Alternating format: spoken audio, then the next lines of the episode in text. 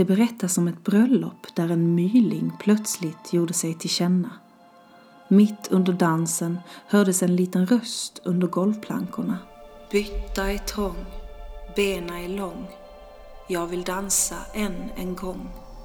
Sen uppenbarade sig en lång mager pojke från ingenstans och han tog tag i bruden och dansade med henne tills hon dog och han försvann. Bruden hade fött pojken i hemlighet och begravt honom i en låda under plankorna på dansbanan. Det här är Finns det mer?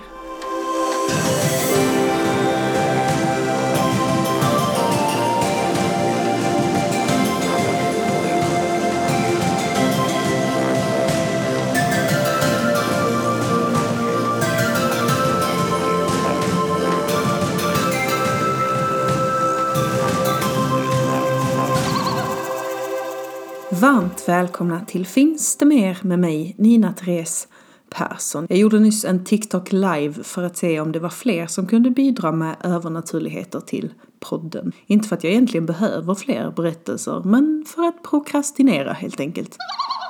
Det var dock några få som hade övernaturligheter att dela med sig av. Någon som gått i en skola där det spöka, någon som såg skuggor i sin spegel och Anton mindes tillbaka till slottet där du kunde förvandlas till motsatta könet. Hej Therese!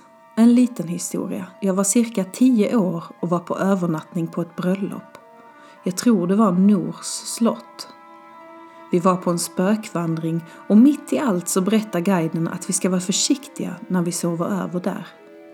Det kan nämligen hända mer som regel än undantag att den vaknar som motsatt kön nästa morgon. Jag såg detta som en smärtfri chans att helt enkelt bli kvinna. Och jag minns att jag på natten drömde om någon som hälsade på och lät mitt utseende ändra form. Jag minns mest att jag grät på morgonen och ville inte gå upp när jag upptäckte till min stora besvikelse att mitt utseende var oförändrat. Jag kan väl också tillägga att jag idag är mer icke-binär men brukar tänka tillbaka på denna upplevelse med efterföljande konflikthantering. Men också hur mycket ändå kropp, sinne och språk kring det en själv upptäcker utvecklas. En påminnelse om att vara sann mot sig själv.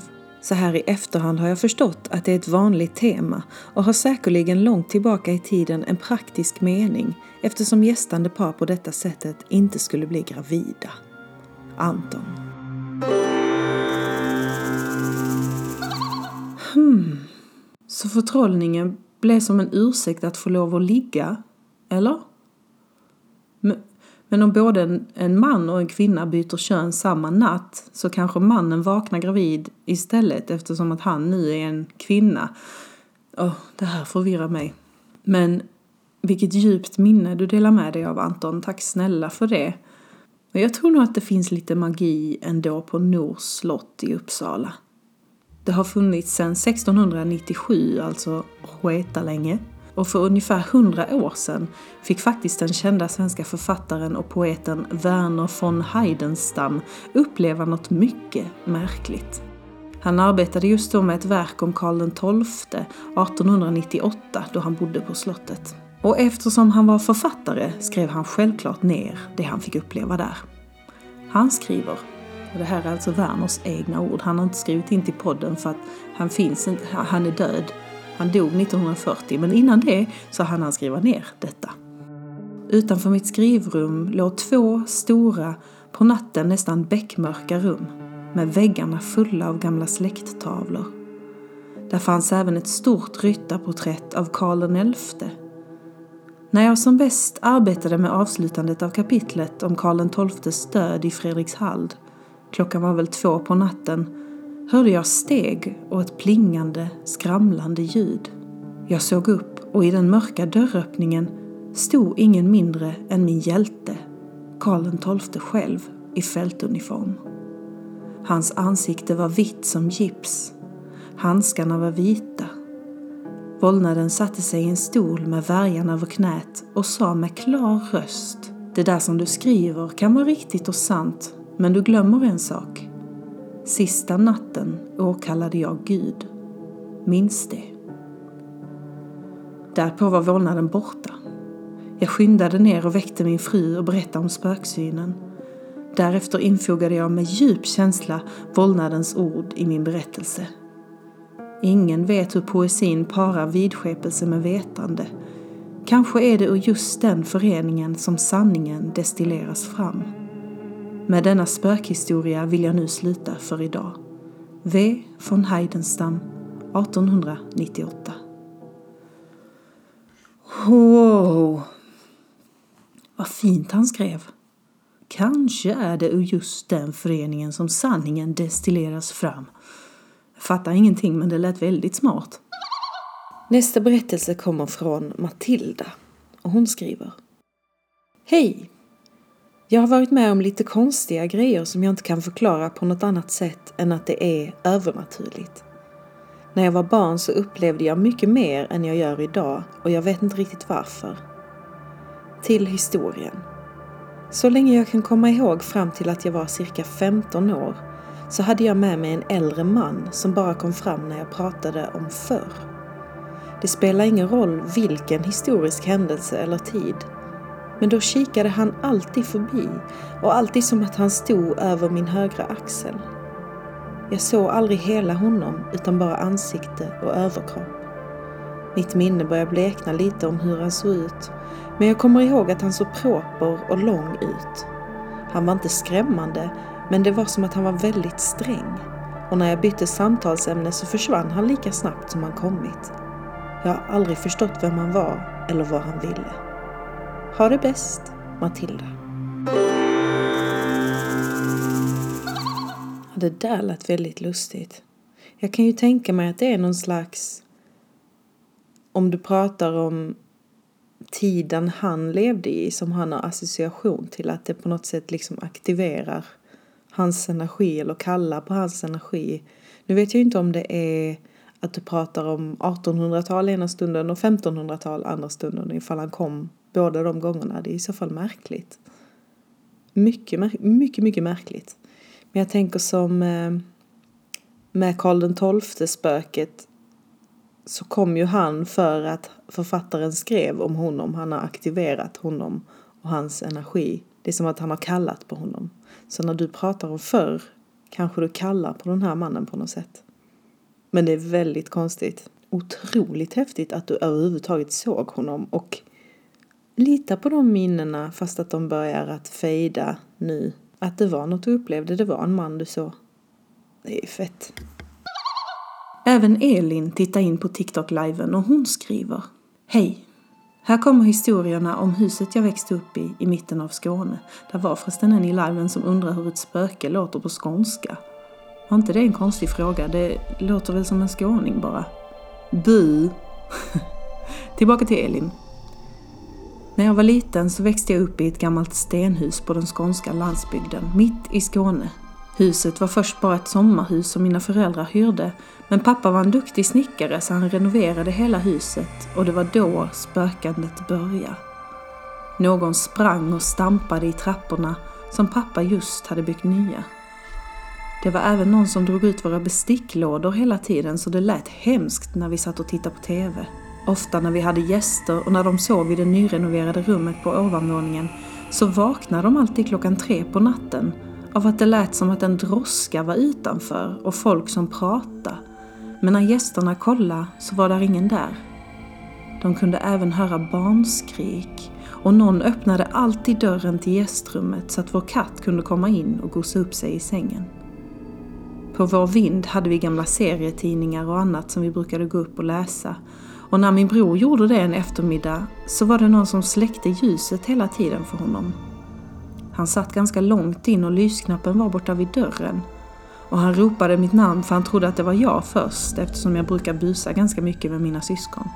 Men just den här gången var det inte jag. Det höll på så här i flera år och vi tänkte inte så mycket på det tills jag en dag satt ensam i vardagsrummet. Vid tvn hade vi ett fönster ut mot en stor gräsmatta och jag såg i fönstret en reflektion av en äldre dam som om hon stod i vårt vardagsrum. Men när jag tittade mot platsen där hon skulle stått stod där ingen. Kvinnan såg ganska sorgsen ut. I fönstret såg det ut som att hon tittade ut mot gräsmattan. Jag blev skraj och gick och la mig i mitt sovrum där det aldrig spökade. Ett år efter att vi hade flyttat från detta huset så grävde de upp trädgården och det visade sig att de hittade hundratals barnlik. Mamma berättade för mig att hon hade pratat med grannarna i området när vi hade flyttat in och tydligen hade en av damerna sagt Ja, då bor det en ny Elin i huset. Tydligen hade det bott en Elin där förut och hon var en så kallad änglamakerska. Det vill säga en dam som föräldrar gick till om de inte hade råd att ha kvar sina barn så gav de barnen till henne och hon svälte ihjäl spädbarnen.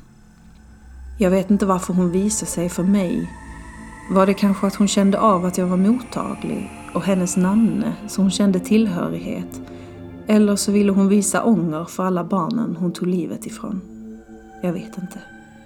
Med vänliga hälsningar, Elin.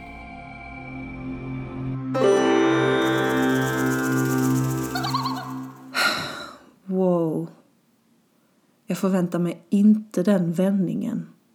En änglamakerska. Fy fanken! Vi hade en änglamakerska på Bruksgatan i Helsingborg. En änglamakerska är alltså en kvinna som mot betalning tagit emot barn från föräldrar som av olika anledningar inte kunnat ta hand om sina barn själva. Sen så fort föräldrarna gått därifrån har de tagit livet av barnen. Sjukt att det låg hundratals barnlik, det låter inte rätt och riktigt det. Ingen kan väl ta emot hundra barn utan att det blir lite misstänksamt. Hilda Nilsson på Bruksgatan i Helsingborg tog emot åtta barn innan hon blev påkommen. Hon och hennes make Gustav tog emot första barnet 1915 då de var otroligt skuldsatta och behövde en inkomst till så att säga. Jag tror egentligen inte hon hade planen att döda det där första barnet de tog emot. En bebis på fem månader. Eller jag, jag vill inte tro att det var planen. Men tydligen så skrek den här bebisen väldigt mycket på nätterna, sådär som bebisar kan göra. Och Hilda bestämde sig för att dränka barnet. Sen eldade hon upp kroppen i en kolugn och sa till sin man att ett fint par kommit och hämtat det och han bara, jaha ja, där ser man. Sju gånger till gjorde hon samma procedur. Nej, det kom ett fint par och hämtade bebisen. Och Gustav ifrågasatte inte detta. Jag har också en liten fördom om att män på denna tiden inte var så uppmärksamma. Ser inte du Jan att jag har klippt mig? Nej men titta där! Hilda kokade då snabbt ihop lögnen att barnet dött hos Hildas syster. Och det kanske hon hade köpt om det inte vore för breven Hilda kontinuerligt skickat till modern där hon skrivit att allt är så bra så. Och nu var undersökningen igång. I tidningarna beskrevs Hilda som Sveriges värsta kvinnliga seriemördare, ett blodtörstigt monster med ohygglig mordlust. Hon dömdes till tio års straffarbete och sammanlagt sju dödsstraff, även om jag antar att det räcker med minst ett för att ta död på någon. Hon låstes in i citadellet i Landskrona och där sägs hon ha hängt sig själv i en linneduk den 10 augusti 1917. Men det finns också artiklar där det står att hon enligt obduktionsprotokollet inte alls hängde sig utan blev strypt av någon annan. Dog gjorde hon i alla fall. Och det samma dag som hon faktiskt skulle bli benådad och slippa de där sju dödsstraffen. Quinkadink or not. Det finns en skröna om en dansk kvinna som var inlåst i citadellet för prostitution och satt i samma cell där Hilda suttit, cell 5. Hon ska tydligen ha sett blod rinna från Hildas gamla bibel som låg i cellen och blodet ska ha bildat djävulens öga på golvet. Det låter inte rätt och riktigt det. Det är inte säkert hon förstod hennes danska, hon kanske sa något helt annat. Hildas gamla hus på Bruksgatan 5 var det många som lockades till efter detta. Och folk säger sig till och med ha sett hennes spöke där. Men det tror jag på när jag ser det, vilket kan bli svårt eftersom huset revs på 50-talet.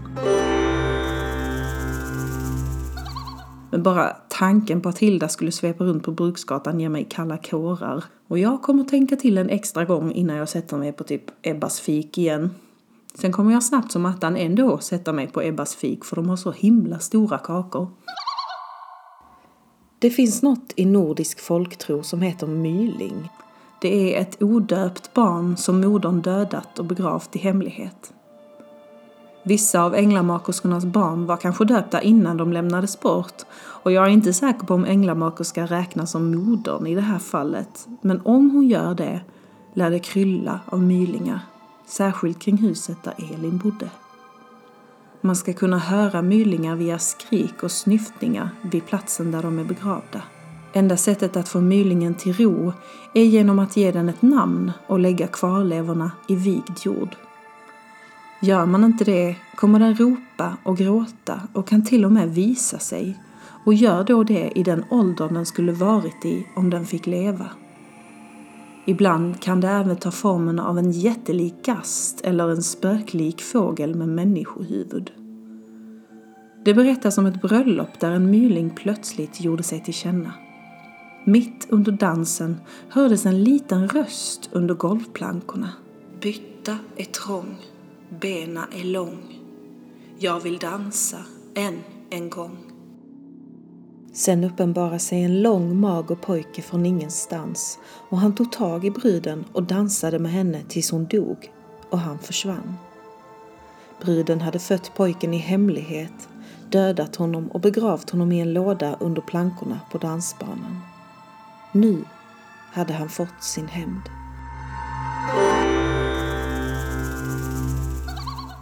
Jag ska avsluta med en berättelse från en person som vill vara anonym. Jag har en story som skedde för några år sedan. Det var vinter någon gång i januari. Jag var ute på en kvällspromenad i ett skogsområde nära mitt hem.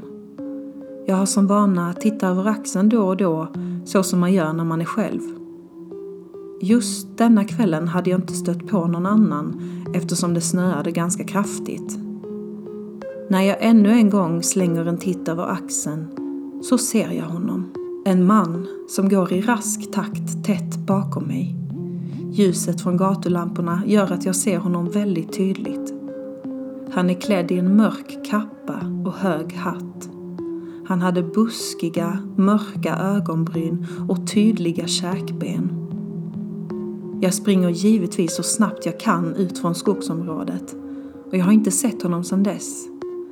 Men det jag hittar på Instagram några månader senare får mig att rysa i hela kroppen.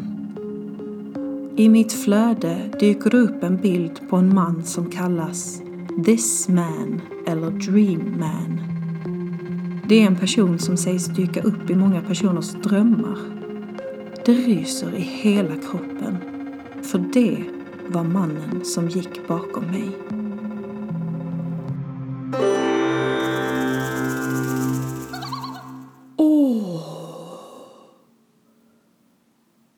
Vet inte vad jag ska svara på det. Helt sjukt i huvudet. Fy fanken! Varför dök han upp i verkligheten och inte... Han kan väl hålla sig till drömmarna om han är en dreamman. Dyker upp där mitt på blanka dagen. Usch, jag mm, avundas dig inte. Vad är det för mening att gå och skrämmas på det viset? Vi får hoppas att du slipper the dream man framöver och särskilt mitt på dagen. Om man kommer i drömmen kan man ju ändå dismissa det som bara en dröm. Jag säger tack till er som var med på TikTok-liven och bidrog där. Tack till Anton, Matilda, Elin och Anonym. Har du en berättelse du vill dela med dig av till podden så får du hemskt gärna skicka den till min mail nina outlook.com eller till min TikTok eller Instagram nina.therese.persson. Wow, så nu snurrar det med spöken, Karl XII, änglamakerskor, mylingar. Gud vad vi har gått igenom mycket obehagligheter får man väl ändå säga. Sen vet jag inte om Karl XII var så obehaglig, men jag vet att han hade hundratusen man när han tågade långsamt fram. Karl XII hade hundratusen man. Karl XII hade hundratusen man. Den sjöng vi på musiken i skolan. Karl XII hade hundratusen man när han tågade långsamt fram i vart det nu var.